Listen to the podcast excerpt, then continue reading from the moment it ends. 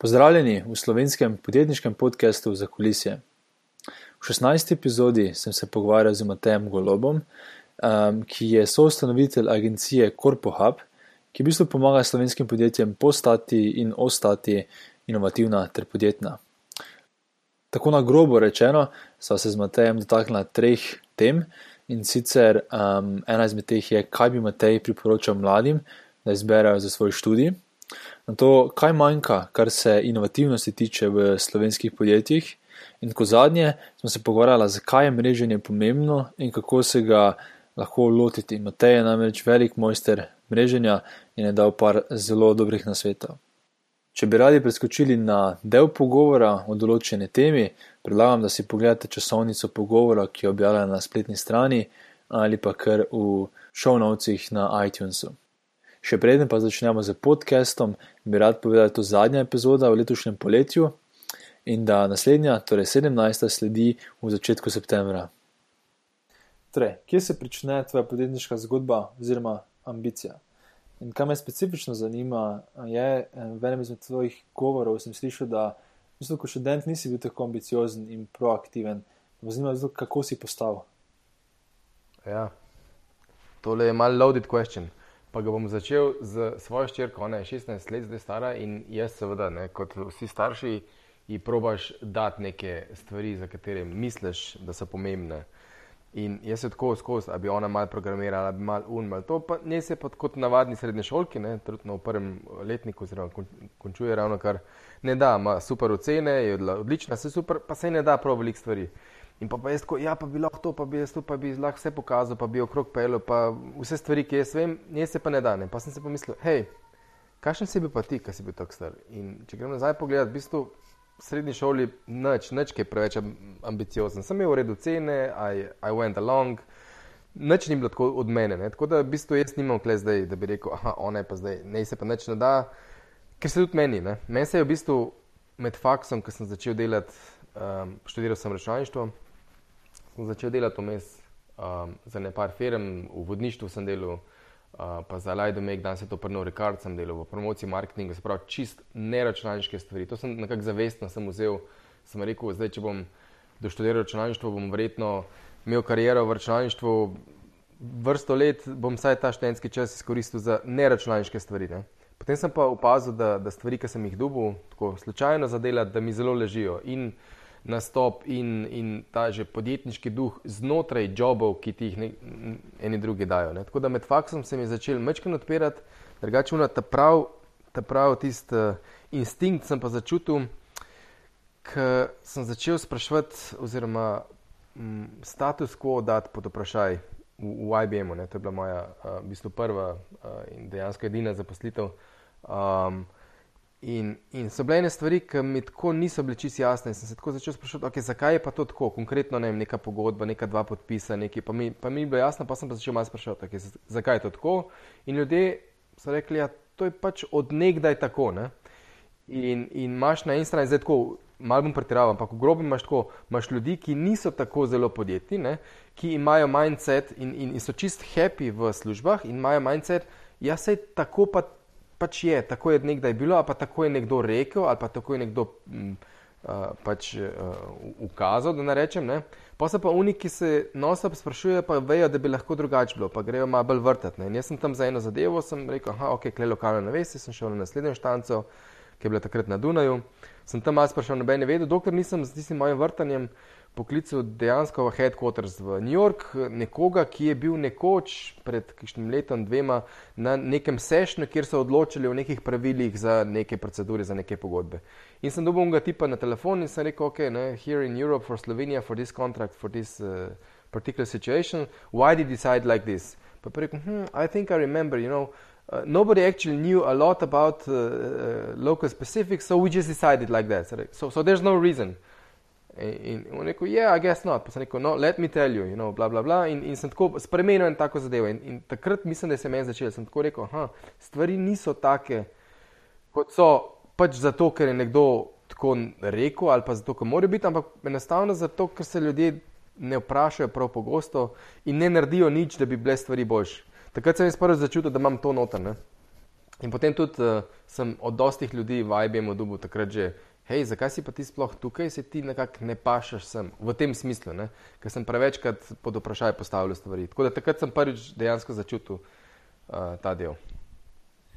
Ej, to mi je zelo zanimivo, ko se razlagal zdaj o tudi svojih črkih, v bistvu, da pri določenih letih mogoče niti ti nič ne zanima. Ampak me zanima, kako se ti sam spopadaš s tem, ker tudi sam opazam, opažam pri mladini, glih um, pred dvema tednoma sem bil tudi na ekonomski fakulteti in celo na faksu, da to opažam, ljudje pač niti niso nekako aktivni in niti ne vedo, kaj bi počeli v življenju. Kako probaš ti to zdaj, rečemo, neko situacijo rešiti, ne, zdaj, kako daš svojih črki vseeno to neko proaktivnost in znanje, ali, ali, ali samo veš, da je trenutno v neki fazi, da bo to min, minilo, ali ja, kaj rešitev? Uh, najprej bi vzel sploh vam besedo reševanje, ker tle ni več za rešiti, ker je vse ok. Noč ne robe. Ne? Mislim, okay, razen če niso neke kritične situacije, ko je ne vem, neka, neka depresija ali pa neki krkotaze, which is not the case pri meni, je pač tako. This is it, it's normal, nič ni tazga. Mislim, tudi pa, ko pogledam na sebe, jaz tudi nisem baš nič počel tam do enega 20. leta. Ne? Tako da ni kaj za reševati. Seveda, ker imaš pa to željo, ker, ker si pač potem sam nekaj v življenju naredil in veš, da se tudi pri teh letih da marsikaj narediti, pa seveda malo probaš nadžati, ne? ampak nekaj preveč. Tako da jaz tega ne vidim kot nekaj kritičnega, kar bi mogel rešiti. Imam pa tudi sam podobno izkušnjo. Približno leto pa pol nazaj, če se prav spomnim, jaz sem na eni privatni gimnaziji sem dobil uh, en, en tečaj izbirni, podjetništvo in, in so prvo uro so prišli noter ne, in pa sem videl, da so tako v zadnji sedeli, pa se pogovarjali. Pa, pa sem jaz rekel, sem rekel, lej, meni bi se čisto vse, a ste vi tukaj ali ne, zadeva je izberna in jaz hočem res, da naslednjič pridajo. Samo tisti, ki hočejo kaj vedeti o tem, ne, ker bomo res konkret, na konkretnih kajsih delali. Oziroma, sem rekel, tako, oni, ki res ne čutite, da bi zdaj le mogli kle biti, ne, da res se ne vidite tukaj, ne kar stanete, pa pojete, mislim, jaz tam nič hud, jaz hočem res sam delati z unimi. Potem je res polovica ostala in šla. Tako sem rekel, a res, sem rekel, ja ni lepo, da ste vi tukaj, ker morate biti, ampak le hočem samo tiste. Ne? In, in, in nič ni narobe s tem, če je ful ljudi, ki jih pač nekaj ne zanima, ker niso tako ambiciozni, ker niso tako angažirani v ene stvari, za katere si ti angažiran. To ne pomeni, da, da je kaj narobe. To je celo v bistvu bolj kontra. Veš, ti, ti si tako prepričan v svoj worldview, ne, da češ tudi, zakaj pa ostali ne štekajo. Ne, ne, nič ni, le, tudi ti si mal uh, v tem svojem pogledu mogoče malo omejen. In zato jaz tako rečem, tudi, ko bo prišla na, na drugo temo, potem korporacije. Pa to, jaz vedno rečem, 78% ljudi more biti, mislim, so taki in, in vedno bojo taki, more biti taki in čist ok je. Mislim, ni za pričakovati, da bomo kar iz vseh zbezali neko kreativnost, pa neko podjetništvo. Ne, in čist ok je s tem. In, in, in meni so zdaj, in baj da je ta moj worldview se je spremenil v zadnjih par letih. Jaz sem bil tudi tako, uh, da bom rekel, agresivno podjetniški v smislu, da ja, vsi imajo to žilico, vsak lahko. Ne. ne, ni res. Eni so čist ok, taki, ki so, da imajo lepa navodila in ki ura štiri odklopi čist in decitne in fajn je tako in nič ne robe s tem. Tako da I don't fight in niti ne iščem rešitve. Um, zdaj, konkretno, če se pa vrnem, ne, je pa spet na primer moje ščirke, pa tako mal vidim, kaj pa je tisto, ko se ga nekaj zanima in potem tako mal mal pomagaš pri unih stvarih, ki se nakazuje neko, neko, neko zanimanje, tam mal potegneš. In konkretno zdaj imamo glihen case, gremo v bistvu skupaj v, v, v Pariz, ona pa še ni prijatelji na koncert Guns N' Rosesov, super izkušnja. Jaz sem tako en del splaniral, potem sem pa rekel, da tam gor bomo v Parizu tri dni, sem dal uh, turistične vodnike, sem jim zrihtel, sem rekel, ostalo pa vse vi plan naredite, kam gremo, kaj si bomo pogledali, vse to. Tako da za une stvari, ki je zanimivo, ne, tam potem pržgeš malo spark in se začne dogajati. Tako se, po mojem, motivira tiste ljudi, ki niso sami po sebi motivirani za ful nekih stvari, za katere bi si ti mislil, da bi, da bi naj bili. Ne? In ta neki spark pri tebi je to na začetku bila prodaja. Je tako? Uh, v bistvu ena kombinacija, če se vrnem še pred IBM-om. Ja, ta prodaja mi tako se bo na to vrnila, ampak predtem je bilo pa tako. Uh, uh, jaz sem dobil serijo teh študentskih jobov čist, čist na random. Tako, to doskrat razložim. Ne vem, enega, enega prijatelja uh, z faksa, sošolca, Mitija, sva slučajno, tako je bila frej ura, ej, kaj če bo početi in so pa videli tam nek, nek razpis za, za, za turističnega vodnika, so rekli, ej, da ima caj, da greva. Ne? In potem se je tam odvila ta mila, moja cela turistična karijera. Sem delal za, za kolegijum, pa, pa ko so bili CMT, pa, pa še par drugih teh. In sem videl, da mi to da ko prijem na, na bus gor, da mi skupina 45 ljudi, mikrofon in da, da si odgovoren za skupaj za cel program, da mi to fulježi.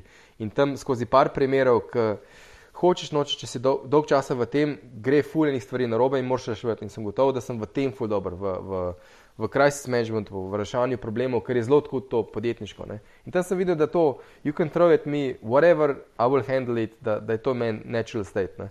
In, in tam sem videl nekako, da, da, da, da je to, kar je v redu. Zdaj, zdaj če se pa vrnemo na, na prodajo, pa naj bi jim, meni je bilo to na začetku tako full. Uh tisti tist tak zelo ameriški princip, tako ta solution selling, to pranje glave, smisel tako, tako, tako, tako customer centricity, razumeti, pa role playing, ki smo se šli te prodaje, mi je bilo tako na začetku prav odporno, ker sem bil tako, ne, a, slovenc, ki, ki nam to ni naravno, in b, inženir, računalničar, ki, ki jim to tudi ni naravno. Ne. Hkrati sem bil mečken soften že skozi ta del za ljudmi v turizmu, kjer ti moraš to mal uh, uh, osvojiti, ne? ampak me je v bistvu ta IBM šola zelo, zelo veliko naučila, zato sem IBM res, res furhovležen. Tako da res vedno pogledaš, what's my value ali pa value of my product, my service, kaj on hoče in v bistvu je bil potem transition v, v, v podjetništvo v bistvu dosti lahek. Um, tako da ta, ta professional sales, sploh v B2B-ju, za, za more complex sales, za solution selling, to, kar pač IBM ima, pa tudi ostali, ne, Oracle, HP, Microsoft, vse te velike firme imajo to zelo, zelo dobro razvitne. Ta te res tako nasilo te porine v ta mindset, ki ga potem nikoli več ne zgubiš. V bistvu, mm. vedno, ko se z nekom pogovarjaš, ko nekaj delaš, moraš vedno gledati, kaj je izmenjava, kaj je value proposition, kaj je un na drugi strani, kakšen experience ima, kakšen behavior, kaj ti njemu ponudiš. To čisti v tem noter. Ne? In potem, ko si v tem noter, potem na vse tako gledaš, ne? tudi v private lifeu. Um, Veš, kaj me zanima? Torej, rekel si, da si študiral tudi računalništvo, torej, pa da omenil si se, kot da si geek, na koncu pa si pristal v bistvu bolj tem biznis, biznis svetu. Kako je prišlo do tega? ja, še ena taka zelo, zelo uh, serendipitis, se pravi, srečna na ključe ali pa pač samo, samo na ključe. Uh, Zelo dve zadevi. Naj, najprej eno, Jaz sem že, že mal, že mislim, da na koncu srednje šole večkrat programiral, malo sem se probavil s tem in sem videl, da mi to leži, da mi ta algoritemsko razmišljanje, da mi je to fajn in potem seveda na faksu je tega. Tudi velik, dokler se ni zgodila ena stvar, uh, po mojem ni bil en moment, ampak ena se, serija momentov, ko sem videl, da jaz sicer ful ideje, kako nekaj sprogramirati, pa tako malo bolj uh, inteligentno narediti, ampak pol tako kot pač pri večini zadeva ne dela prvič, ker so noter bagi. In iz tega imamo seveda vsi ti IDE, pa, pa bug fixeri, pa vse skupaj. Ampak meni je to nežice, sem rekel, jaz ne bom za sabo bagov iskal. Zaradi tega sem se nekako proti koncu faksa, nekako sam v sebi odločil, da jaz zagotovo ne bom imel enega tazga joba, kjer bom developer, zato ker sicer mi to gre, zelo na tak način razmišljam, ampak dan pa ne, daš pa kompalca, kup pa ne gre in jaz za sabo ne bom šel napak iskati, ker mi to pač ne gre. Ampak to je bilo tako, to je bilo eno obdobje med, med faksom, ampak me je tako zaznamovalo, da nisem potem nikoli nobenega tazga joba niti iskal uh, in sem delal čez druge stvari. In potem je bilo pa tako, ko sem zaključil, ko sem uh, diplomo naredil, sem zadnji pok knjig uh, uh, vrnil v CTK ne, in CTK je tam na Trgu republike. In ko sem šel tam mimo, je slučajno ven iz Trga republike dva, oziroma trojke, stopil ven en kolega, ki je bil pa cimer od enih mojih šolcev iz faksa, uh, z Gorenske, ki je takrat delal na IBM-u. In jaz tako, o, živijo, kaj pa ti, jaz sem rekel, ja, glihle, diploma, knjige vračam, tr, in tako beseda je dala besedo, on pa, hej, a res, aha, pa zdaj job iščeš, ja, hej, a veš, da glih neki zdaj pa rabimo na IBM-u. Tako da čisto slučajno je bilo, ker sem šel tam mim, ne, sploh ni bilo tako plansko. In to je bila ena zadeva. In potem, ko je moj CV, pač kot je CV, je lahko, pa nekomu, ki še le diplomira, ne, uh, krožil krok po, po IBM-u, se je izkazalo, da je tam bil pa še en drug kolega, ki sem ga pa spoznal pa iz turizma. Konkretno na rodu so bila vsak svoja ekipa, on je delal za kompas, jaz sem delal za eno drugo firmo. Uh, in potem, ker so se tam spoznala, uh, je on videl, pač, da, da sem v redu in, in je potem seveda dal še on svojo besedo in sem tako prišel v, v krok razgovorov in in je glih slučajno bila taka situacija, da sem nekako pasal v tisto situacijo takrat, tistega poletja, uh, 2-1, se mi zdi, da je bilo to. Ja. Um, in, in to je bilo to. In pa sem padel noter v oddelek softvera, v oddelek business developmenta, oziroma prodaje, in, in tam je pa tam je potem, jaz temu rečem, blue wash. Ne. Vsakega new hire, ki IBM zame in, in sem prepričan, da ostale dobro organizirane firme imajo isto tako. te pač te operajo, te šepajo tako, da najbolj pašeš v kulturo in v sistem. In na začetku se malo operaš, ti je malo tako, uh, ne. Potem pa v bistvu vidiš, da za, za, za sistem tako, je, je pač to dobro. In, in sam pobereš zelo veliko iz tega. Tako da to je bil moj, moj nekako way in v to. Ja, mi smo imeli nekaj podobnega na IDEO, tudi um, temu se reče IDEO 101, kjer vse nove zaposlene v bistvu povabijo v San Francisco, kjer imamo potem tridnevni program, v katerem nam razložijo vse od zgodovine podjetja do vrednot, poznaš druge zaposlene in podobno. In isto, veš, potem, ko se vrneš nazaj v svoj, svoj uh, matični office, veš, te vprašajo, če si, if you've been successfully brainwashed. Ja, ja, ja. Pa, ampak je, mislim, res je tudi ful, mislim, pozitivna stvar tudi za samega zaposlenega, ker dejansko vidiš potem, kaj se pričakuje od tebe, odkud izvira firma in lažje nekatere v bistvu tudi odločitev potem sam, um, sam prideš do njih. Pa še nekaj je, te, te začetni, ti si rekel, da imaš tri dni. Ne? Mi smo imeli tako, če se prav spomnim, sedem ali celo devet tedenski program, sicer ne v kosu, smo imeli tako en teden, dva tedna skupaj, pa pol nazaj. Pa tako, in to je bil ta New Hire program, predvsem za sales. Ne? Mislim, da sem ga potem kasneje malo skrčil, ampak vsem je isto to. Ne? In jaz sem temu kar rekel blue washing in, in to pač tako je.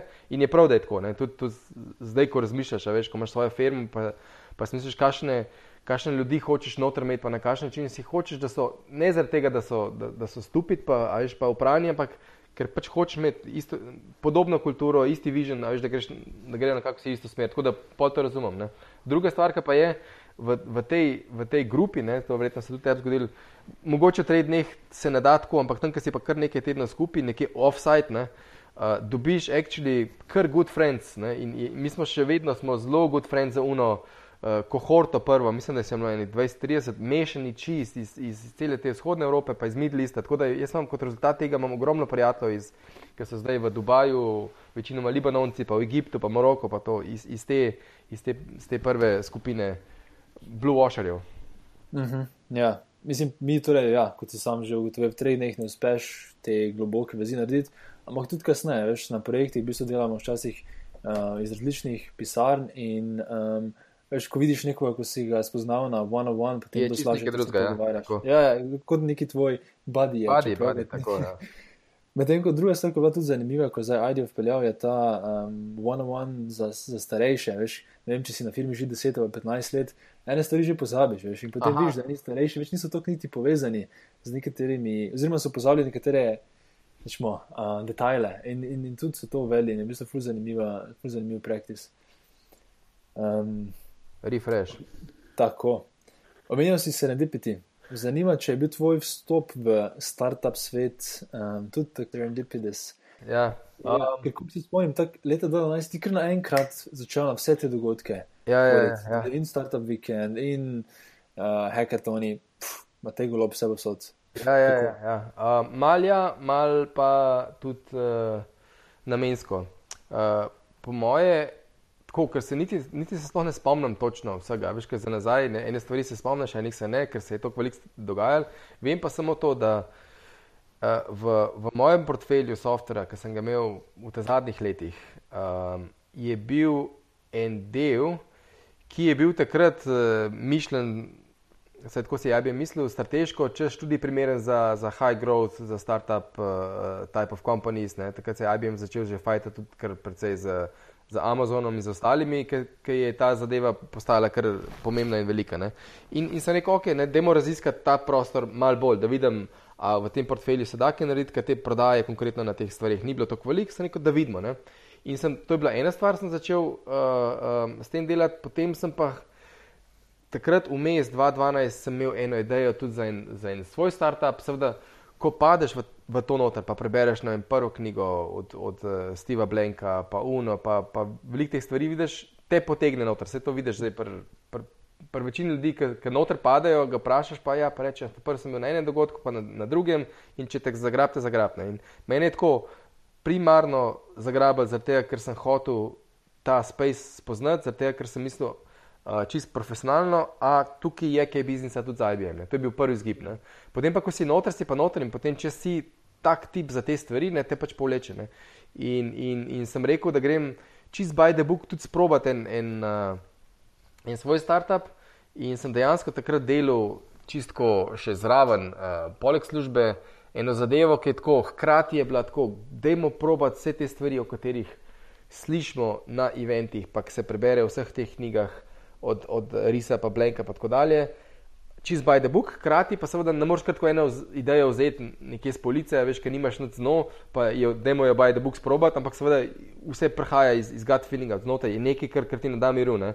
In meni so bili vsi ti dogodki, uh, takrat sem bil tudi aktiven v, v celi tej uh, TEDx sceni, ne TEDx Ljubljana, uh, je bilo nekaj v navezavi z dogodki ne? in sicer konkretno se lahko povem, je bilo tako, jaz sem videl, koliko ljudi, mislim, koliko. Uh, je zamujenih priložnosti, ko imaš pač na en dogodek z 100, 200, 300, 400 ljudmi in je potem break in potem vidiš tiste osameljce, ki se držijo ne, uh, tiste, tiste coffee break kavice ali pa nekega soka od cateringa in so tam nekje tako in pogledaš, veš, vsak bi si želel spoznavati ljudi, zaradi tega si prišel tudi na ta dogodek, poleg samega kontenta, ampak nihče pa ne povezuje. Potem sem videl, da, da na, na parih dogodkih je tako, če je host tak, veš, pa da ga več ljudi pozna, potem on skonekta ljudi. In pa sem jaz to hotel nekako preliti v aplikacijo. Mislim, da se je imenovala takrat Melti in, in sem, imel, sem imel dva developerja, sem jih tudi plačal nekaj časa za, za, za, za svojim, uh, iz svojega denarja.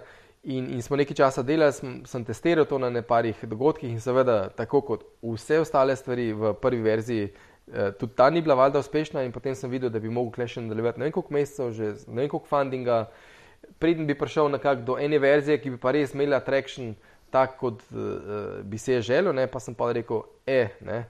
Uh, to pa trenutno ne bo šlo. Ampak to je bilo tako, se pravi, kombinacija je bila IBM software za to področje, začeti raziskovati, potegnili me noter, sem probo z enim svojim startupom in seveda prva verzija ni bila ok, ampak takrat je bilo že too late to turn back, sem bil že čisto noter v tem. Ja.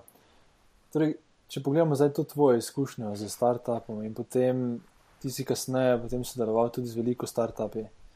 Lahko mogoče iz svojih izkušenj opišeš, katere so nekatere najpogostejše težave oziroma problemi, s katerimi se spopadajo slovenski startupi. Hm. Uh, za nazaj bom težko, bom, bom kar zdaj iz te trenutne situacije, kar zdaj najbolj vidim. Uh, ja. Jaz večinoma delam tako, z early stage. Um, ali so to independent ekipa, ali so to čisto posamezniki, dva, tri, ki dobivajo vem, uh, investicije ali prek SK, ali prek Angelov, prek ABC, karkoli že. Ali pa so znotraj firm, early stage ekipe, ki delajo sicer part-time, ker kakšni delajo part-time, kakšni delajo full-time, odvisno od firme, ampak zelo, zelo early stage, se pravi koncept, ideja, prvo preverjanje, prvo eksperimentiranje. Uh, Klele vidim največkrat to, ker razložiti to, te tehnike, pa eksperimentiranje, pa, pa to ljudje hitro preberejo, pa, pa cela ta dela vidko scena je zelo naredila uh, to, dost uh, popular, pa accessible. Bolje je meni važen tempo. Ne? Jaz vedno rečem, ok, super, zdaj vse to vemo, najdli smo lukne. Kaj bomo zdaj naredili naslednji teden? Ne? In potem vsak teden preverjanje, in jaz hitro grem v tako imenovan, kar sam sebi rečem, tabelca mod. Ne? Bom dal en primer. Zdaj je bil pred kratkim en, en dogodek v, v, v Črnomlju, v njihovem tem razvojnem centru. In tam je bila ena, ena mešana skupina ljudi, in sem jaz potegnil ven iz, iz občinstva in parih in sem rekel, da idemo pogledati te vaše ideje, kako daleč ste. In potem sem vzel enega, uh, ki razvija nek, neke, neko uh, makroje noter v, v Excelu za neko logistiko. Pač neka zanimiva stvar, ampak zelo inženirska. In, in on je dal ogromno nekih ur, rekel je, mislim, da 3000 ur v sklopu tudi magistrske in tako v to noter. Sem rekel, ok, super, s kolikimi dejansko potencijalnimi strankami si pa že govoril, si jim to pre, ne, iziteriral, eksperimentiral, pokazal. In seveda številka je bila zelo blizu nič. Ne. Pa sem rekel, ok, super, dajmo posegmentirati, za koga je to, ni za čisto te velike, je za tele. In sva, na hitro sva prišla do tega, za koga bi to bilo, ne? seveda se je on tudi veliko o tem razmišljal. In sva kar naredila tabelico, sem rekel, super, ali lahko mi naredil zdaj tabelo 10-15 feren, kar z imeni, klej najprej oži krok, da ti je najlažji, potem malo širši, pa mogoče izven Slovenije, uh, ki je pač malo težje kontakte dobivati, ampak vse, to moraš delati, ne? super. Sem rekel, a se lahko zmeniva zdaj, da se čez en teden slišiva in ti meni poveš, mislim najprej to tabelo napišeš, mi pošleš čez dva tedna uh, mi pa progres sporočiš, ne? koga si dobil, koga nisi dobil, kakšen je bil feedback, ta del. In klej vidim, da se pri večini začne zapletati. Ker je zelo enostavno, je sam, da imamo prvo tabelo, da imamo narediti, da imamo sam ček, a si ali nisi, kaj je bil feedback, kaj smo se naučili.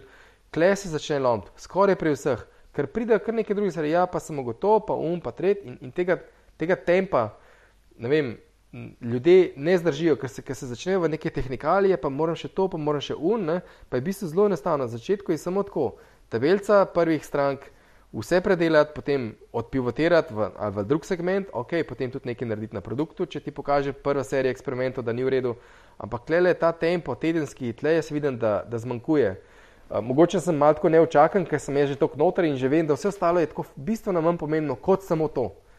Um, in, in, in potem je ta razkorak med tem, kako si jaz mislim, da bi lahko šlo hitro, pa kako za res gre. In jaz kaj vidim, da se zgublja ogromno, ogromno enega cajta. Da moramo razdeliti malo. Torej, kako lahko dejansko nekdo, ki ima idejo, začne s temi intervjuji? Bi, kako bi ti zasnoval, da to čim hitreje torej pride do teh prvih pogovorov? Super. Um, jaz kar tako rečem, jaz kar grem v ta ne, moj tako imenovan tabelca mod. Jaz rečem super, lepo vsem tem času, ker noben ni tako svež da je recimo rekel, hej, včeraj sem se nekaj spomnil, da se pogovarjam.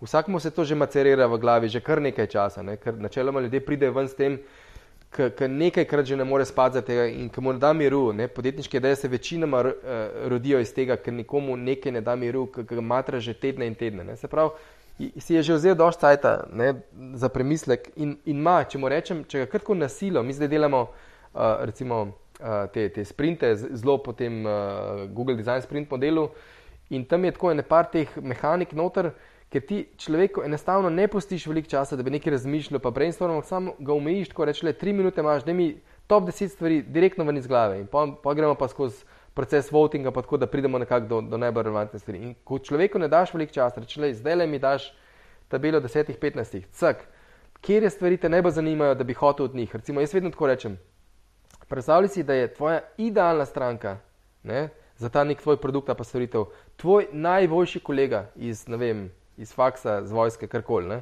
ki ti lahko res vse pove, ne, kaj, vem, tvoja poročna priča, veš, ki si fuj zaupata. Ko odstraneš ta bajes, da bo on mogoče tu nice zato je friendly. Ne, uh, mhm.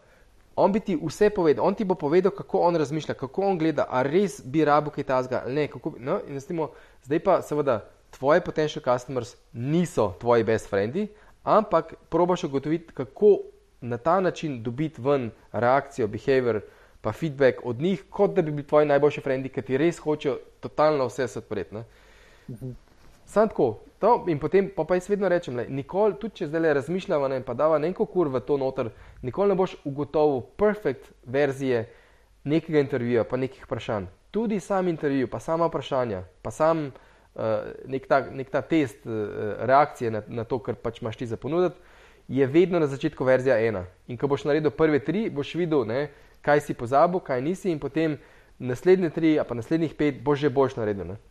Je pa ene par ti čez železnih rulov, recimo za, za, za, za ta zaključna vprašanja, ki vedno rečem, vsakič, ko greš z nekom skozi nekaj tasga, ne glede na outcome, a si ga dobro vprašal ali nisi, ali bi on primeren ali ne, on zdaj ve exactly o čem govorita, mislim, kaj si ga ti hotel vprašati. Tudi če je na začetku bil čist confused, pa sem mu potem mogel razložiti, pa rekel, a ja, aha, o tem so se, bi se mogla pogovarjati. Sploh nisem razumel iz unga prvega nagovora, ki sem jim imel poslal, super. Ampak na koncu razume. In ko vse razume, moraš ta element v bistvu zagrabiti in reči, super. Zdaj mi pa, če si spomniš iz glave ali pa v naslednjem dnevu, ki pa itak pozapne, še koga se spomniš, ki bi ga ta tematika zanimala, da bi se lahko z njim pogovoril. To je, tako, to je daleč najbolj powerful question, ker ti potem širi tako, recimo, kakšni nimajo idej, kakšni pa ima enega, dva in potem ti tako širi. In tam ne rabiš ti več nekega cold callinga, pa rečeš, hej, s tem sem se pogovarjal na to temo in rekel, da bi ti bil tudi zanimiv in imaš odprta vrata in greš naprej. Ena stvar, ki se mi zdi tu zelo pomembna pri teh intervjujih, je, da ko greš torej, se pogovarjati z uporabniki, da ne pičaš same ideje, ampak da si zelo odprt do tega, kar ti bo povedali. Torej, ti nisi tam, da predaš svojo idejo, ampak da ugotoviš, da, da dobiš neke informacije. In se mi zdi, da dosti ljudi, mogoče čisto na začetku svoje podjetniške poti, ima težavo z to zaljubljenostjo idejo ne? in da niso dovolj odprti do tega, da potem iterirajo na podlagi tega, kar slišijo. In to je pa definitivno neka nuja, oziroma samo neki higijenski, higiena, oziroma ja, čist čisto osnova, da sploh ta cela metodologija deluje. In kar še pomembno, je, da to ni neka anketa, ne, ampak je v bistvu intervju, kjer včasih mogoče ti sploh ne sprašuješ pravih vprašanj, kot si omenil, ne, ampak boš iz samih odgovorov slišal, da mogoče moraš kaj drugega vprašati. Ja, ja. Um, v bistvu je tako. Najprej ankete, to je the worst thing you can, you can do. Mislim, nikoli delati ankete. Ankete so v bistvu tako proven, time and time again, da ta, ta stvar ne dela, ker ljudje smo full, full slabi prediktori svojega um, prihodnega obnašanja, na anketi pa sploh ne. Tako da to ni intervju, eh, rekel delno, edin po reakciji. Ne? In, in jaz tako bom dal zdaj en primer, ga zdaj na firmo delamo. Uh, smo se tako uspeli narediti, da na koncu sicer bo intervju, ne bomo imeli eno serijo strank, zdaj le v kratkem, uh, potencialnih za, za nek test, ampak tako oni bojo vedeli, da prihaja nek test, ker se bomo dogovorili, pa eno uro časa, pa vse, cela logistika. Ampak potem bomo pa celo tako tak trik naredili, ne? da ko bojo prišli, jih bo nekdo sprejel in potem rekel, se upravičujemo, zadeve so šle mečken overtime, 15 minut bo za počakati, vsem bo dovolj časa, a lahko greste v to sobo, uh, pa samo počakate 15 minut, uh, pa vas pokličemo, ko bo. Uh -huh. Trik. V tisti sobi noter bo exactly tista stvar, na katero mi hočemo odzivati. In on bo mislil, da ga čaka še intervju čez 15 minut ne? in bo čist naravno reagiral. Ne? Ve, da prihaja na, na, na market research, na intervju, na, na, na test, ne? se pravi, pride za tem mindsetom, aha, ne? neka velika firma hoče mojo reakcijo na nekaj. Ne? Super. In potem un trik pride, ne super, le čez 15 minut bomo te tako obdelali, zdaj pa v mesti pa lahko normal person v tej sobi, ker pač imamo break. Ne? Ja. Tam noter bo normalno, as a normal person reagiral, in potem, ko bomo prišli, bomo rekli, no, actually, the test was already happening. Ne? Ta zadnjih 10 minut in tlele v tej sobi so bili tudi ljudje, ki so te pozvali, drr, in potem bomo kar v tem naprej šli intervju. Na tak način, ne? in tle, tle, ta, tle ta trik, da v bistvu hkrati hočeš ljudi povabiš. Um, mislim, eno so te, te skrite kamere, potem, ampak na drugi strani pa, ko ljudi povabiš, ker veš, da ga boš hotel, mislim, da ga boš imel za eno uro pa intervju, je tudi nevarnost, ker on pride s tem mindsetom, da nekdo me bo nekaj sprašoval. Ne? In zaradi tega, če se le da, se uporabi take trike, da vmes on reagira čist normalno. Ne? Ja, fulj zanimivo. E, veš, kaj me zanima, kako točno pride do teh odzivov to potem pride do neke meritve, oziroma samo opazovanja mimike ali tudi česa drugega. Ne, to so čist eh, kvalitativni. Ki so številke, so majhne, tle govorimo o petih, desetih ljudeh, to je, to je vse kvalitativno. Na koncu, ja, ja. seveda, pri intervjuju uh, so, so neka vprašanja, čisto kot checklista, da se nekaterih stvari ne, ne, ne pozabi, drugače pa čist kvalitativno. To v early stage je vse kvalitativno. Kvantitativno ja, je, je, je kasneje, na koncu, ki je zadev, kaj, kaj tvikaš, veš, kaj že imaš nek traction, pa delaš ne, AB teste, pa take stvari. Na začetku je pa čisto kvalitativno. To se popolnoma strinjam. Uh, ampak moje vprašanje je bilo bolj to, veš, teh 15 minut, ko on sam z produktom, kaj točno v tem, teh 15 minutah opazuješ? Je to mimika obraza, je to kaj drugega. Mislim, ja, ne, čist, že... ja, ne, ne konkretno, pa, pa zdaj ne smem v detajle iti, ker, ker bomo to še, šele delali. Ne? Mislim, niti, niti ne morem, ne? ampak tako dejansko reakcijo na nekaj, ker tam bo on izpostavljen okay. nekim stvarem, ki jih prej še ni doživel. Uh, in bomo videli čisto reakcijo. A bo, a bo tak, tako, ene, ene par, um, izpostavljen bo parim rečem, na kar bo zagotovo reagiral, ali pa ne. In mi bomo to primarno gledali. Um, prej si omenjal tudi, da ima veliko teh ljudi težavo s tem, da najdejo same intervjujence. Ali imaš kakšne nasvete glede tega, kako pride do teh ljudi, s katerimi se pogovarjati? Uh, ja, kle pri nas, v naši regiji je to malo težje. Tako, by the book, po Silicon Valley, je seveda pri njih je Craigslist to zadevo lepo, lepo odpravi, za večino primerov. Pri nas tega ni. Ne? In tudi načeloma ljudje. Na, na neke oglase na ta način sploh ne bi reagirali, ker je to nekaj čist awkward za, za naše področje. Pri nas je to v glavnem uh, čist social reach, ne, pač cela ekipa da ven.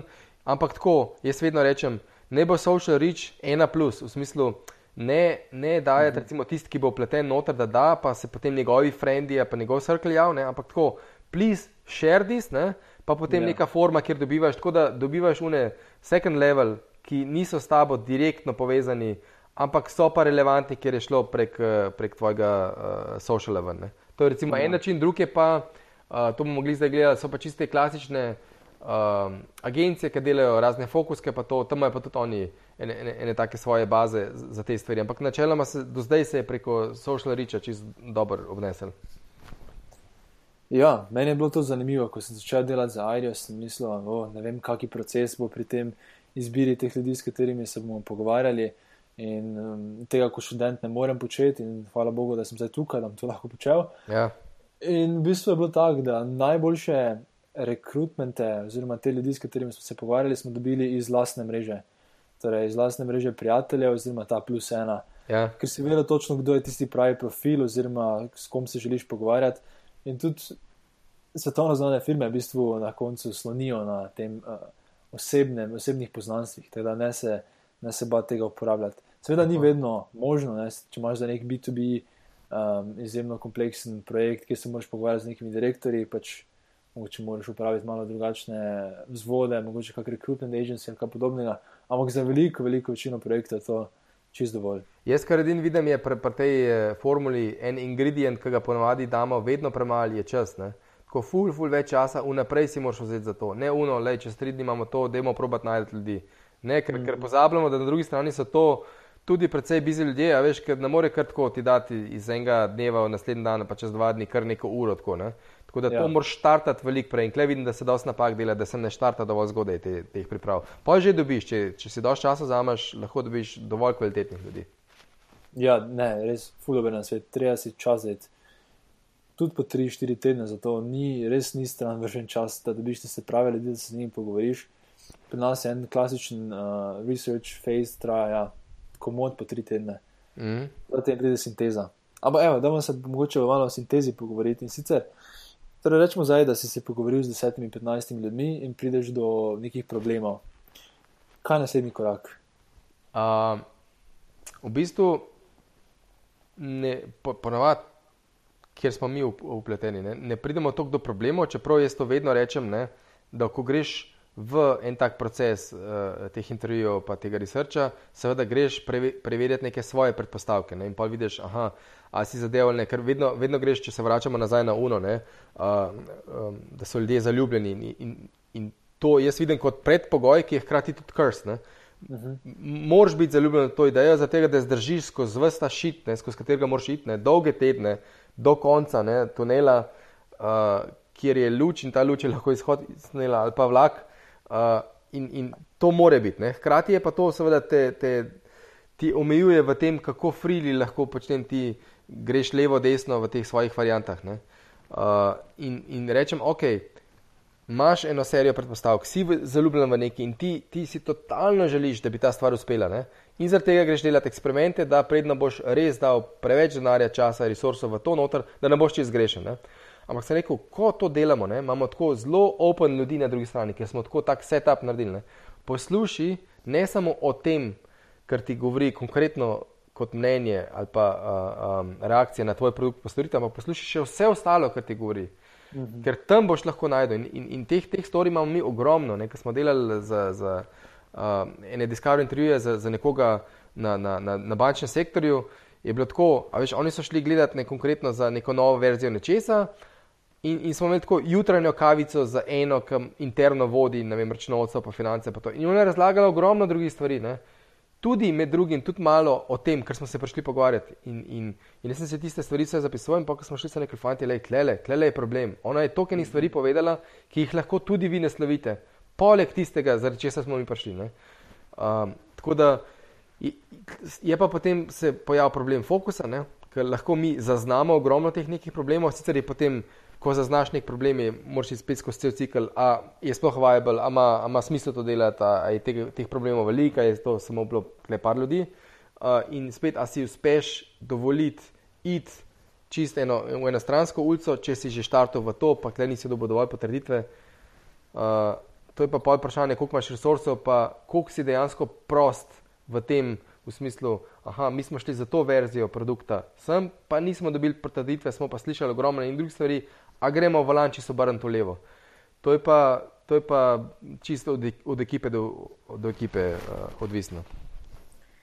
Veš, kaj me specifično zanima? Kot nekdo, ki imaš ogromno izkušenj z prodajo, me zanima, kako ti predlagaš startupom oziroma ja, mladim ekipam v zelo early stage, da validirajo te ideje. Torej, kako pride do te prve prodaje oziroma prve poslovne validacije?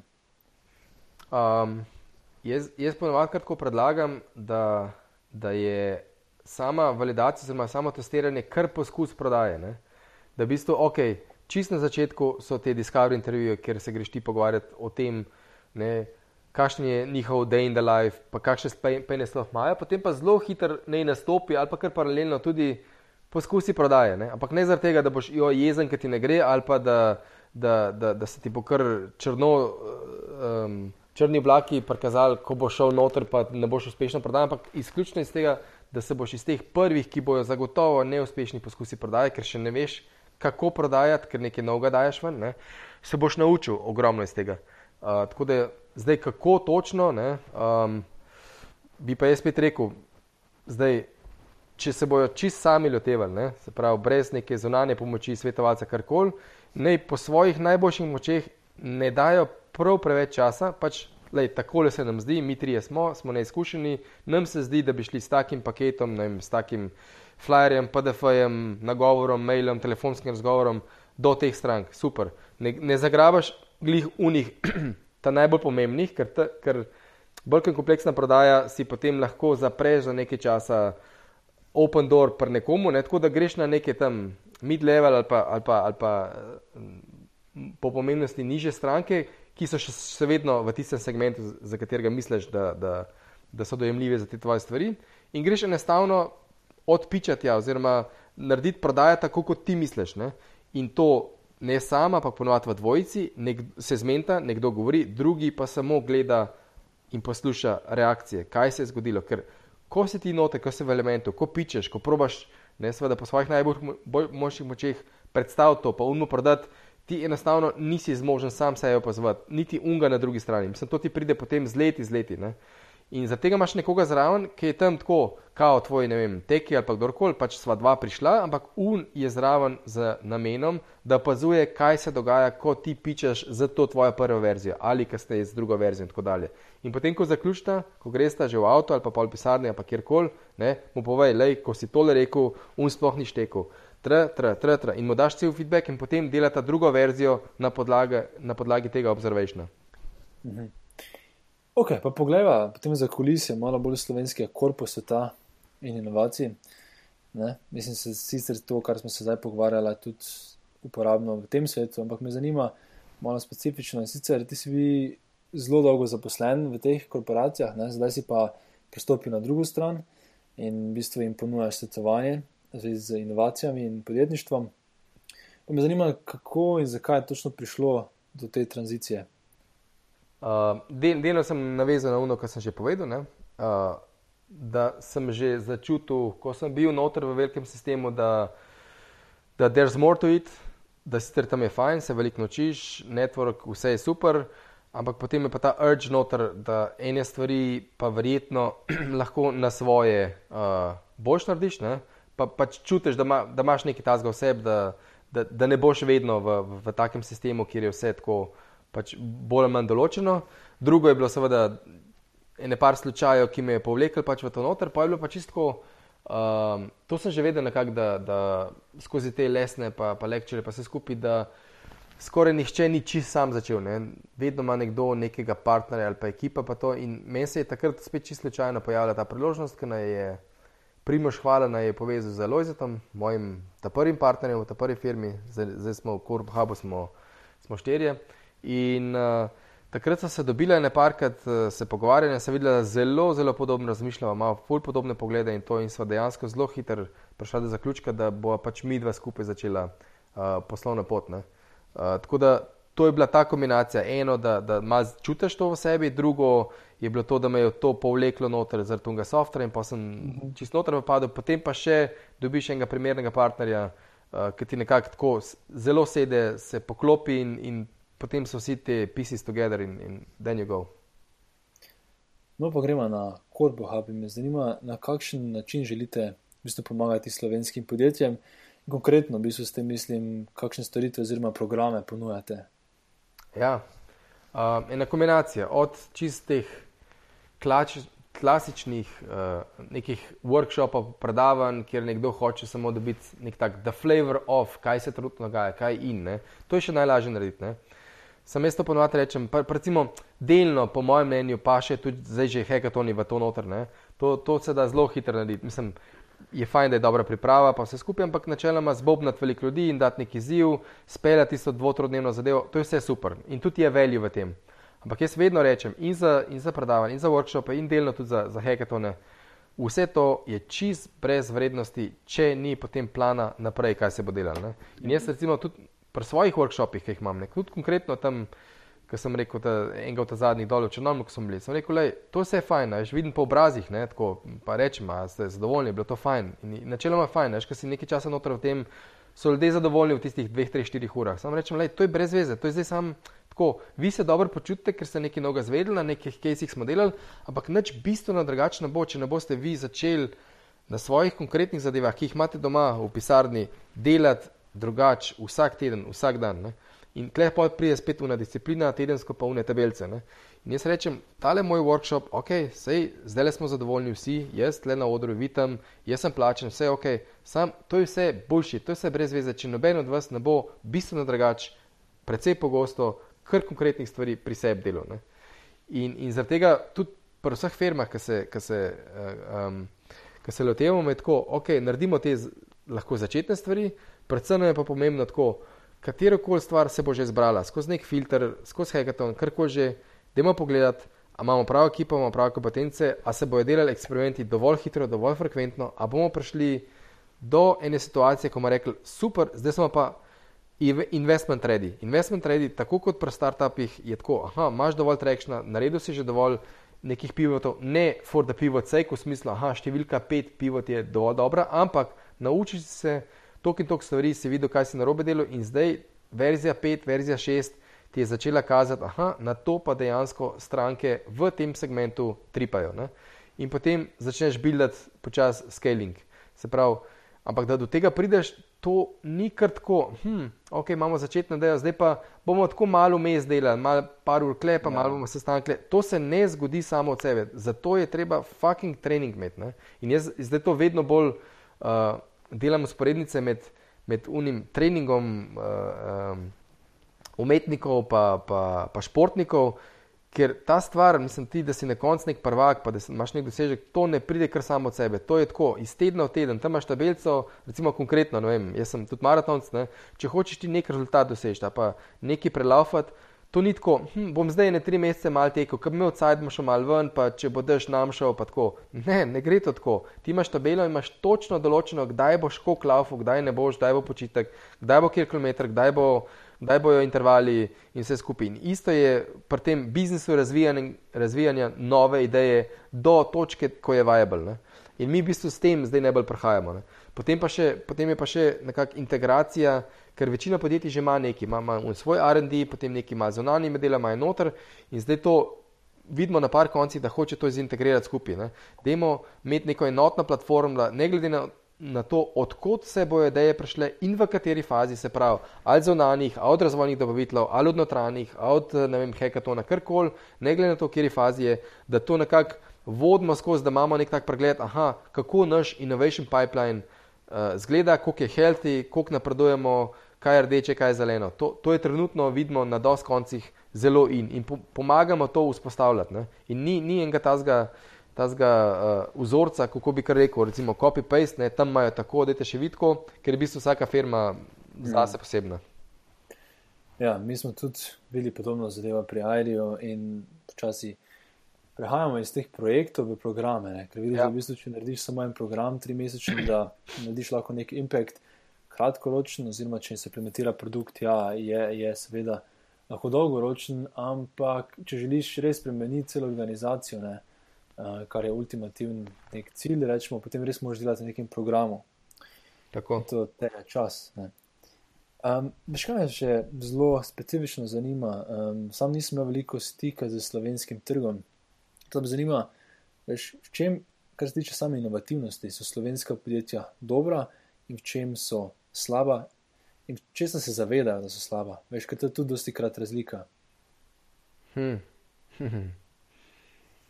uh, tako, zelo generalno bom komentiral. Um, še vedno smo, mislim, še vedno. Slovenci smo dobri inženirji. Ne? Smo veliko bolj na strani, bomo naredili zato, ker znamo, ker lahko ne pa zaradi tega, ker vemo, da to dejansko dovolj velik trg rabi. Ne?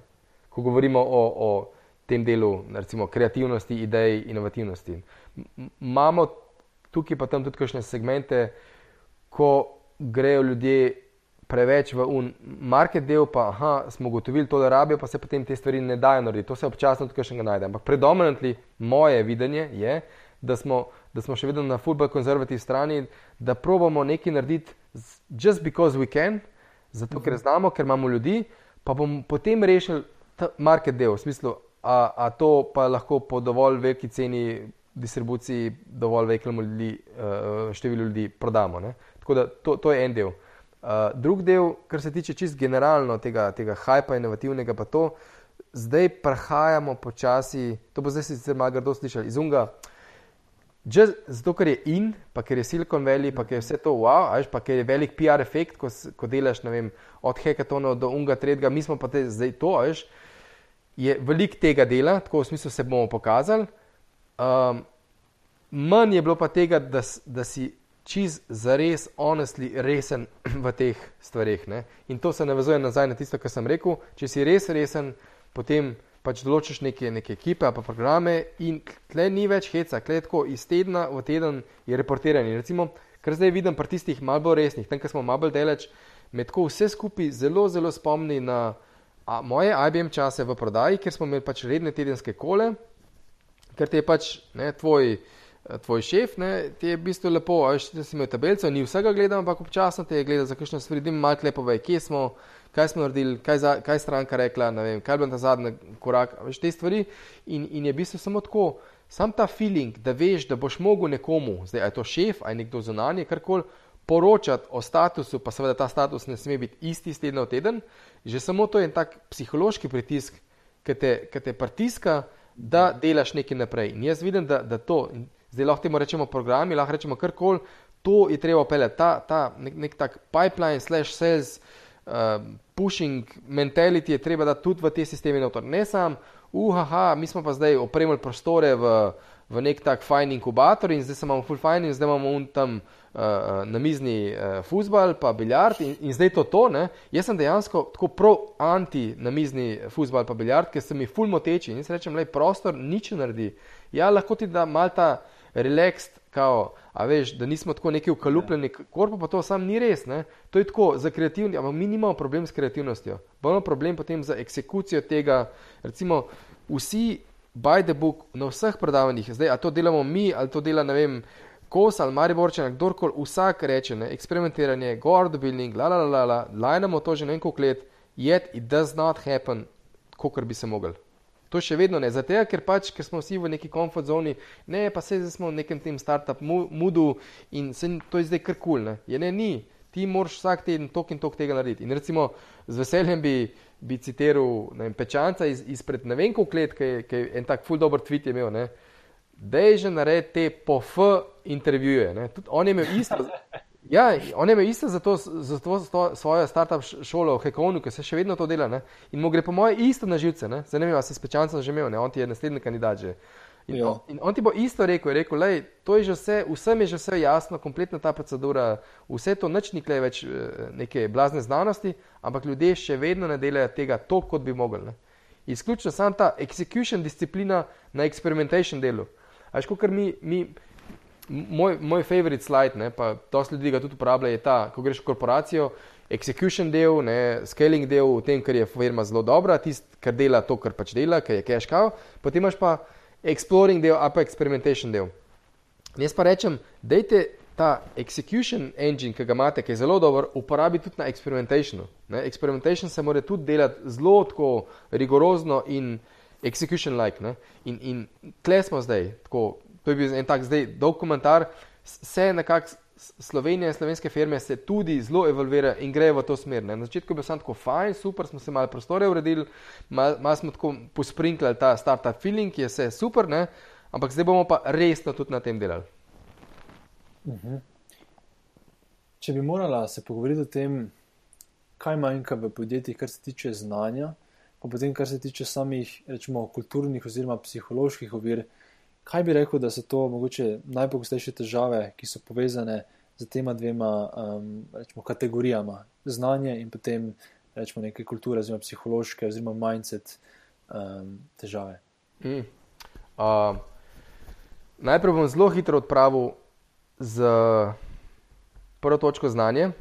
Meni se zdi, da, da znanje sploh ni več vprašanje, tako v smislu, a je na voljo, a ga je lahko dobiti. Znanje je samo še funkcija časa, ki si ga moš pač vzeti, ker gre takoj direktno na drugo točko, a si ga vzameš ali ne, pa z, kar je pa povezano z vanjcetom. Zakaj to zdaj tako še bolj rigorozno tako rečem? Je, uh, ti verjetno si opazil. Uh, tale program od uh, Y Combinatorja zdaj so razširili za 2018, mislijo 10 tažnt uh, telih uh, startupov skozi, da skozi online program. Letos spomladi so štartali, mislim, so jih dali enih uh, ne vem, 3000 skozi ali nekaj tasga, ne vem številke. V bistvu čist publicly, čist open, vse, vse znanje, ki bi ga dubil, če bi bil tam kot alumni noter v Y Combinatorju tam, vse, kar je vse te one-on-one, pa vsa predavanja od top imen. Ne? Jaz tako, tako takrat, ko sem začel Khan Academy, pa, pa EDX, pa, pa, pa vsi te kursere, vsi te muki, ki so se začeli, sem rekel, lej, zakaj bi jaz šel, in to se spet fulgardo sliši, zakaj bi jaz šel na en faks od Univerze v Ljubljani, ki je nek profesor, ki se mu ni dal prav dobro pripraviti, pa je mogoče malo zmatran, pa ga bom jaz tam v živo poslušal, če bom lahko v nulo najboljše dobro predavanje posneto, pa še za ston iz Harvarda, ki je recimo po nekem filtru en od najboljših top ljudi za neko tematiko na svetu. Ne? Zakaj bi šel v neko tam predavalnico na Univerzi v Ljubljani poslušati enega, ki je pet stopničk nižji, ne? pa se grdo sliši, pa vem, da so tudi slovenci so kašni, čisto top, pa to, ampak on average se najde online že full boljših stvari, tako top, top in je sploh. Sploh ne vem, zakaj bi šel nekoga v živo poslušati. Seveda, odgovor na to je, ja, kaj pa interakcija, pa to je bullshit. V Sloveniji ni interakcije, pač enostavno ni, taki smo. Ljudje ne sprašujemo, ne govorimo, prijemo poslušati, se odklukamo in gremo. So izjeme, ampak večinoma tega ni. Ne? Se pravi, od znanja odklukamo, vse je na voljo, vse je posnet, konkretno na najnem primeru, startupi, zdaj ali, ali zonani, ali interni v firmah, karkoli že, kompletno vse znanje imajo zdaj le posneto, najbolj sveže, letos od. Y kombinatorja, gorje, ne vem, ne vem točno, kaj je, kaj je uh, URL, ga boš ti poiskal, ga boš dal noter, to je to, decid. Zdaj pa gremo. Če nekdo hoče, a veš, si vzeti tok časa, uložiti tok časa v to in potem delati to, kar se zdaj že malo ponavljam, ne, iz tedna v teden, pa, pa v bistvu tok napora, da pa ta execution v ta experimentation pa se skupi, to je pa zdaj odvisno od tega, kakšna je motivacija zavi, ka, pa kaj ima nekdo v glavi. Ne. In kle, jaz, jaz vidim tako, jaz vidim transition svoje vloge, v zadnjih nekaj letih, ne, tako veliko bolj iz metodološke, pa znanje, pa v smislu, ajš, jaz, pa Lojze, pa ostali, mi ful vemo, pa to, lej, mislim, ja se vemo, pa nam je naravno, pa znamo uporabljati v določenih situacijah veliko bolj, recimo, uh, modro, pa hitrejš, pa integriraš kaj kot recimo nekdo, ki ni toliko časa že v tem, ampak to ni več competitive advantage. Competitive advantage je bolj v tem, čist psihološki element, kako nekoga, a veš, pripravi do tega, da bo videl stvari mečko drugače, pa da, da ne bo se, a veš, iz tiste zaljubljenosti v, v prvo verzijo, da je pa polkamo ne bo šlo obupo.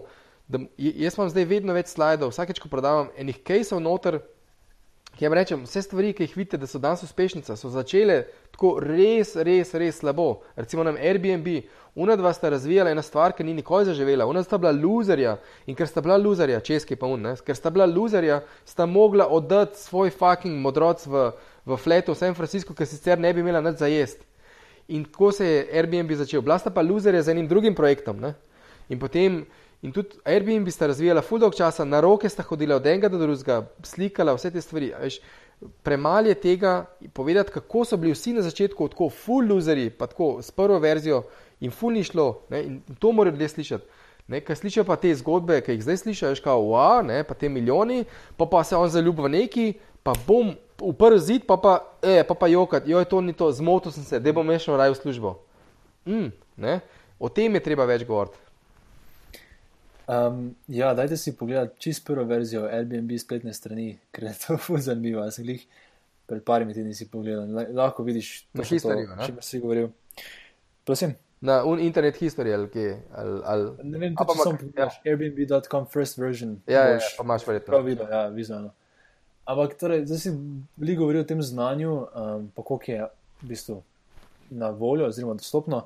Ampak me specifično zanima, torej, glede same psihološke, oziroma te uh, mindset, da si rekel, torej, vztrajnost, oziroma vztrajnost, da executaš, ne, da torej vzameš to znanje in ga dejansko uporabiš. Ampak me zanima, če še kaj drugega, mogoče kakšne psihološke prepreke, ki jih imamo v slovenskih podjetjih, ki onemogočajo, rečemo, inovacije.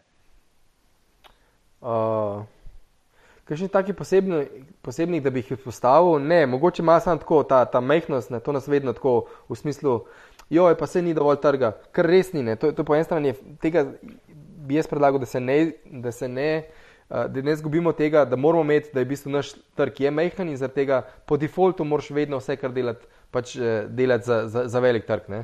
Po drugi strani pa seveda ti ne sme ta, ta, ta drugi del manjkati. Ok, ja, fajn je, zavedaš se, je mehen trg za večino stvari, za večino idej je premehen trg. Uh, in potem rečeš, aha, kar next step, kar pomeni, da bomo že od začetka, from day one, gledali čez globalni trg.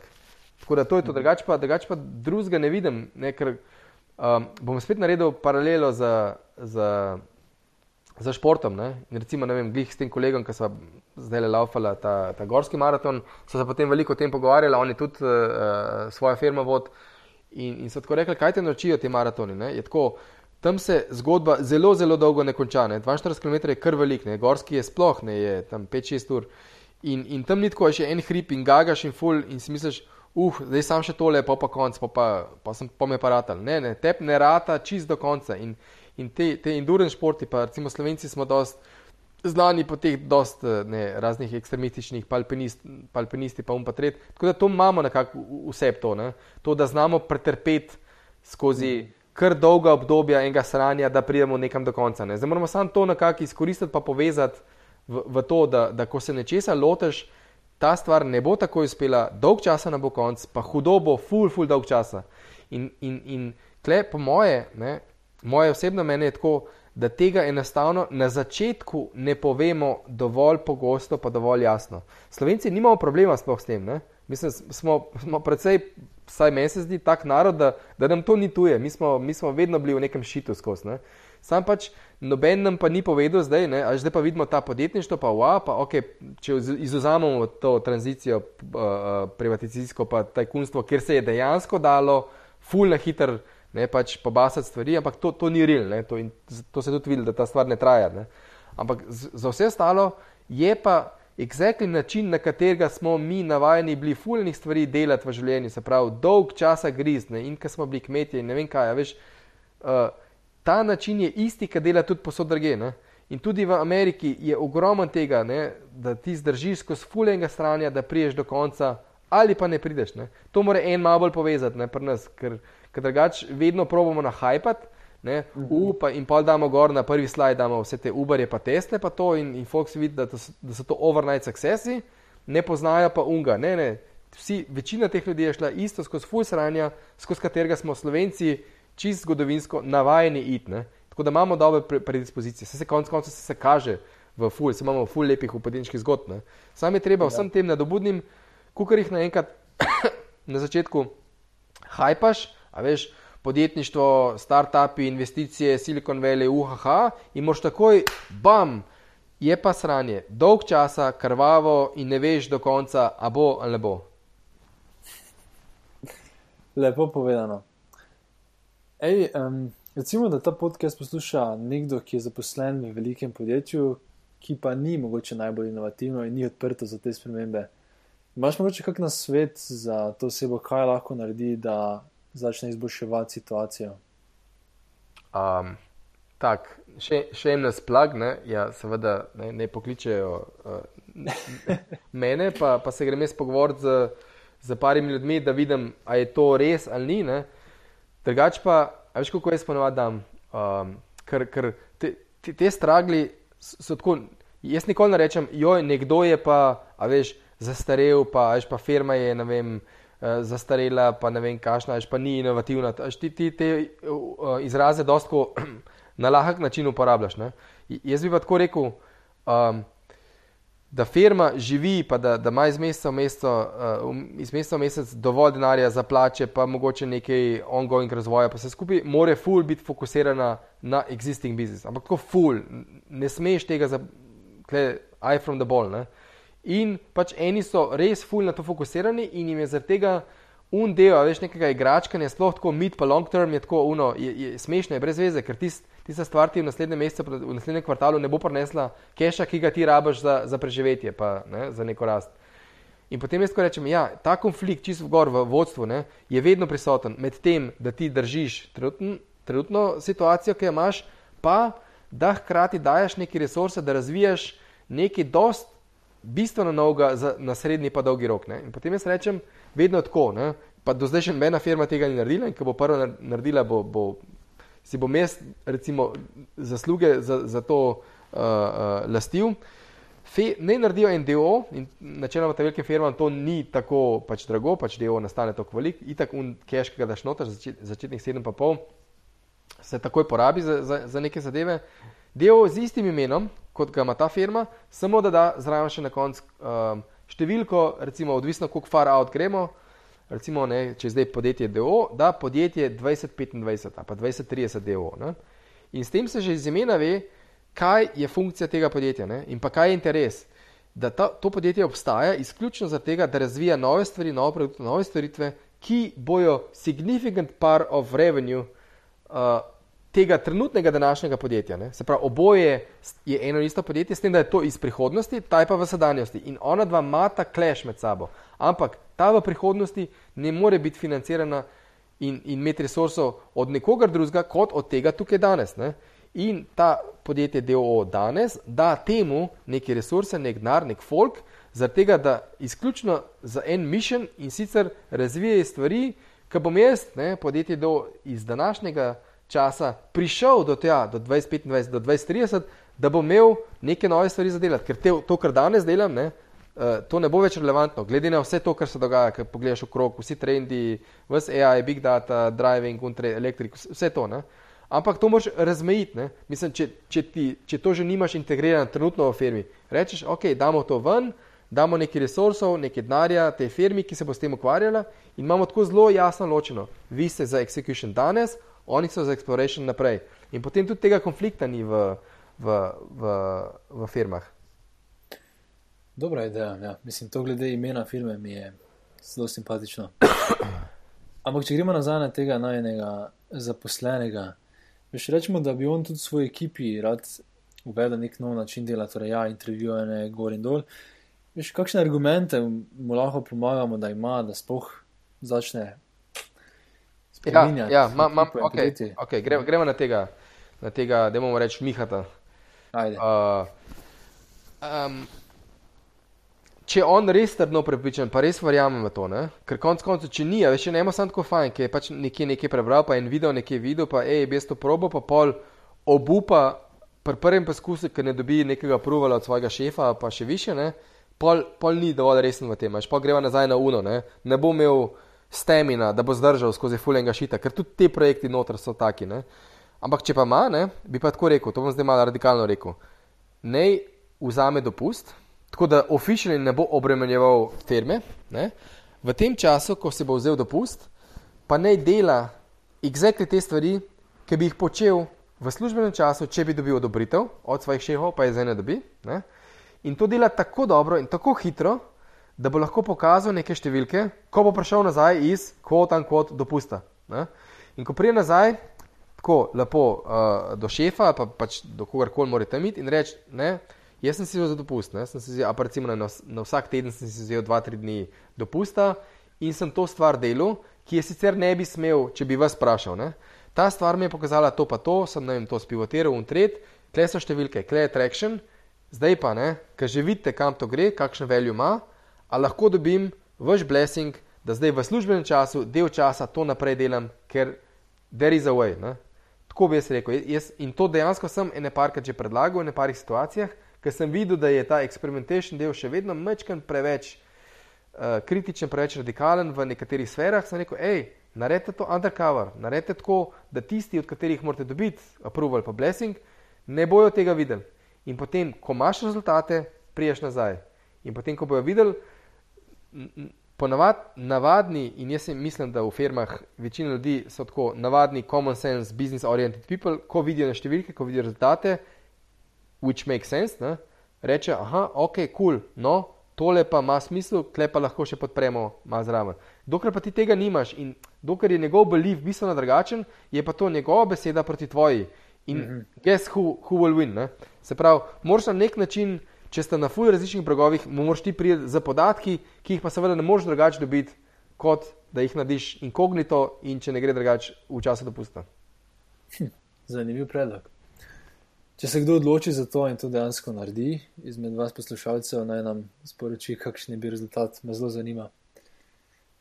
Uh, ej, Matej, gremo na naslednjo temo, oziroma proti koncu najne diskusije. In sicer me zanima, um, ti si znam potem, da jemliš mreženje zelo, zelo resno. Ne? Lahko mogoče opišeš nekatere tehnike, ki si jih ti uporabil, da si si zgradil eno izmed najbolj če lahko rečem, zavidljivih socialnih mrež v Sloveniji. Okay. Najprej se bo mečko dotaknil na definicije, um, ker vem, da so poskusi strani nekaterih drugih, da samo številko nabildajo. In jaz temu ne rečem, da je dobra mreža. Ne? Se pravi, če govorimo zdaj o, o konkretno o LinkedIn-u, um, da samo dodajaš ljudi noter, češ sedaj pa imam vem, 8000 ali pa 10000 ali pa ne vem koliko kontaktov, to je boljši, to je brez veze. Jaz rečem, da je mreža ljudi je tista, ne? najprej seveda imaš več, več krogov, eno so pa čist, čist zelo close friends, pa, pa, pa pozna, poznani, potem tisti, ki te poznajo skozi neke interakcije poslovne, potem tisti, ki te poznajo samo tako, uh, vem, z kakšnega eventa, pa briefly, potem pa tisti, ki te v bistvu ne poznajo tako two-way.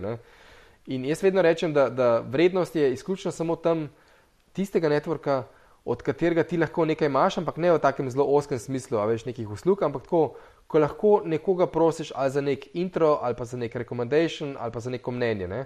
In zdaj, če imaš ti v svojem networku, ne, konkretno recimo LinkedIn ali pa, ali pa karkoli podobnega, nekaj ljudi, ki si jih sam akcepto, pa jih sploh ne poznaš, kako boš odprl sploh debato z nekom, veš pa ga vprašal za neko mnenje, če ti je on totalni neznanc. Ne?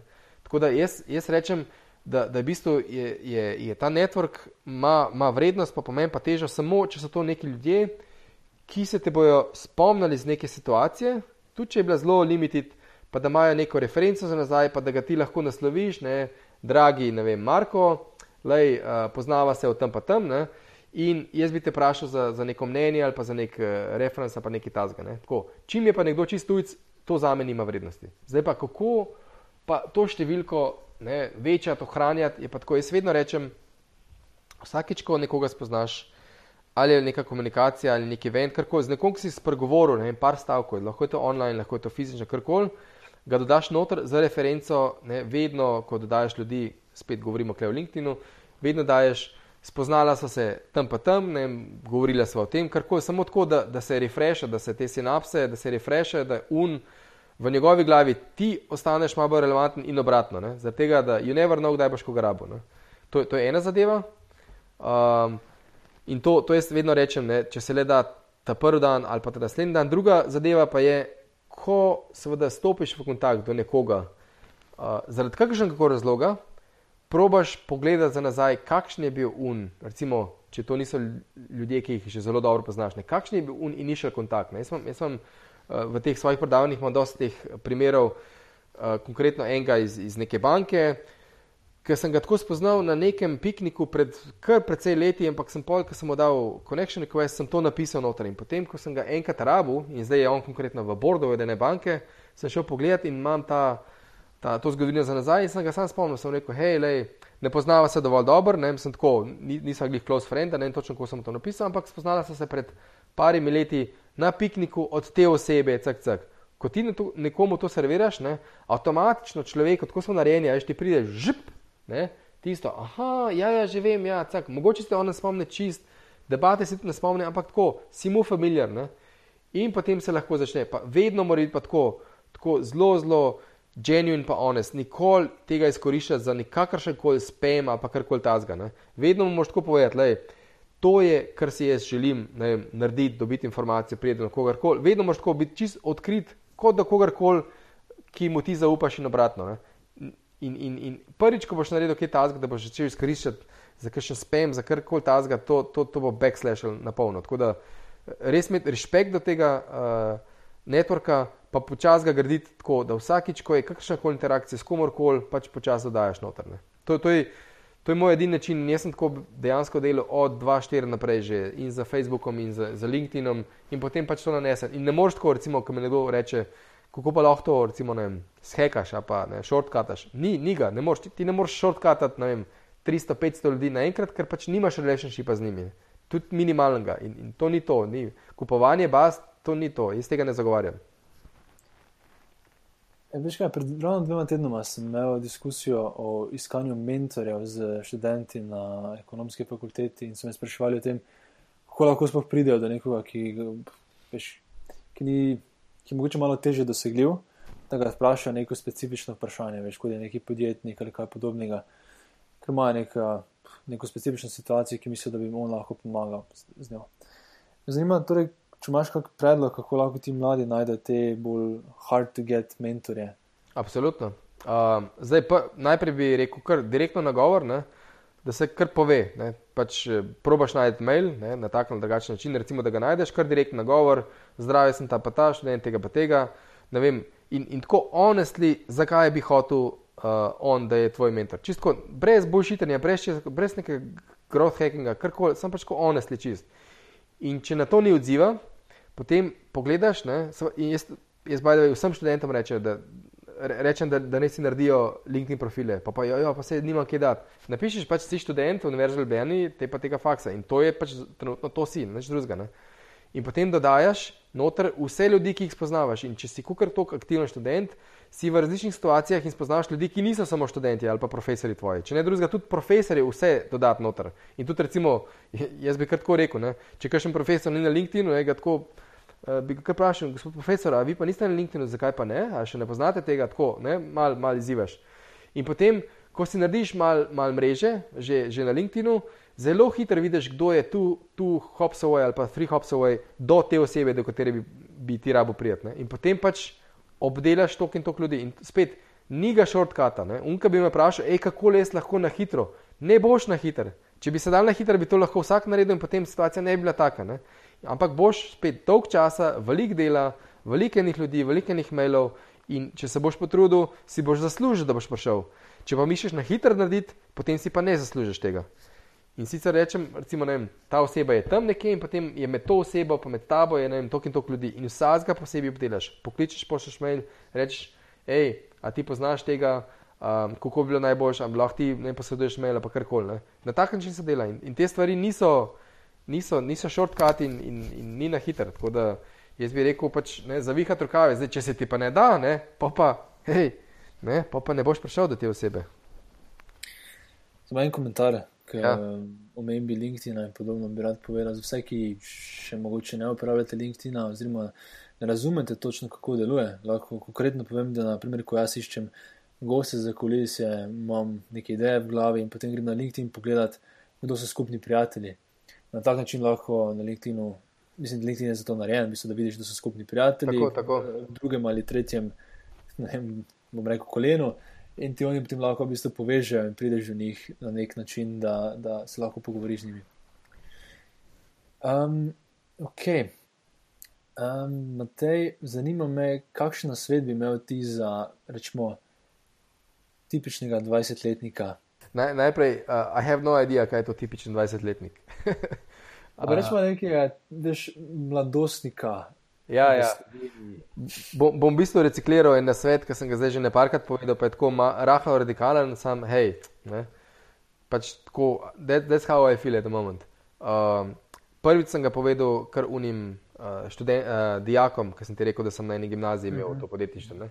In potem je tako išlo, bom zelo hitro povedal zgodbo. Uh, oni so po tem končanem, ne, so, uh, pa so bili tisti, ki so ostali, so bili zadovoljni, pa vse in pa sem me še tako kontaktiral, so rekli, če lahko naredijo intervju z mano.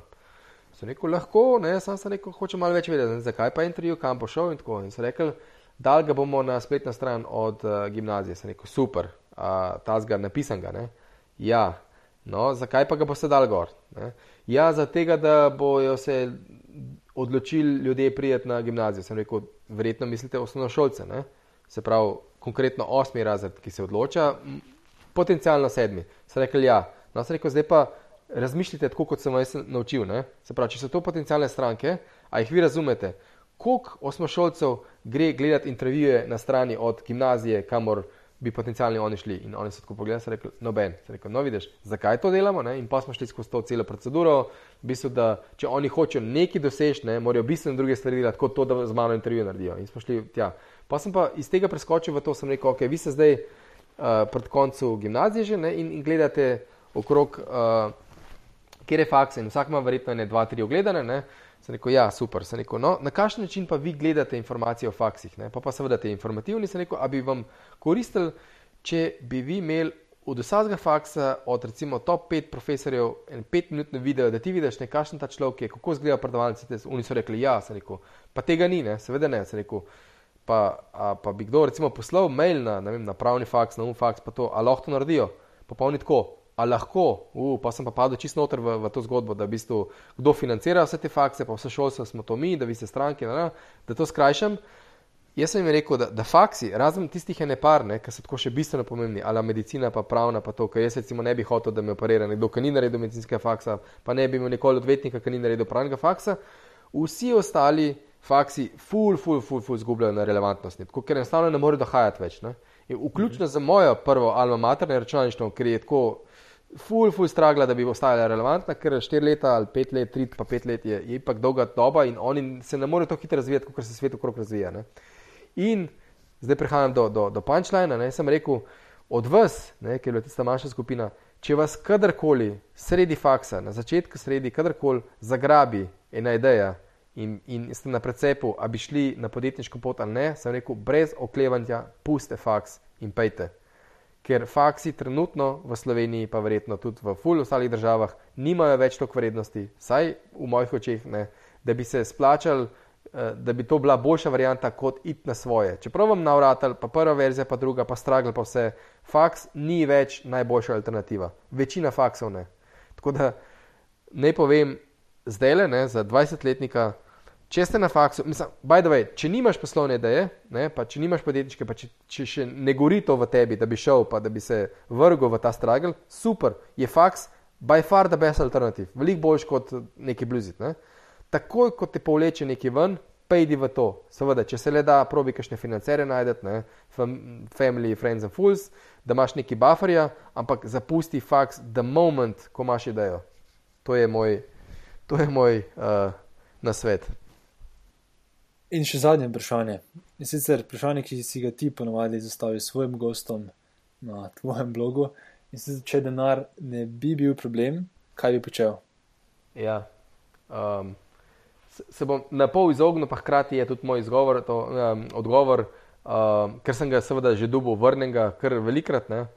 In če sem res true, true to it, ne? tako na kakšen način, ki sem spraševal, jaz sem tako toliko enih dobrih zgodb slišal skozi teh 550 uh, uh, mojih blog-lunch intervjujev, kaj bi ljudje naredili, ne, če bi imeli kot no limits. Ne, so te zgodbe so tako fine, da sem potem jaz skraftal svoj odgovor, ki je po eni strani mali izgovor, da, da, da ne rabim res sam odgovarjati, sam po drugi strani pa tudi res. Ne. Unlimited je unlimited. Ne. In jaz bi šel lepo skozi vse bloge, blog poste moje pogledati in, in make all those answers happen.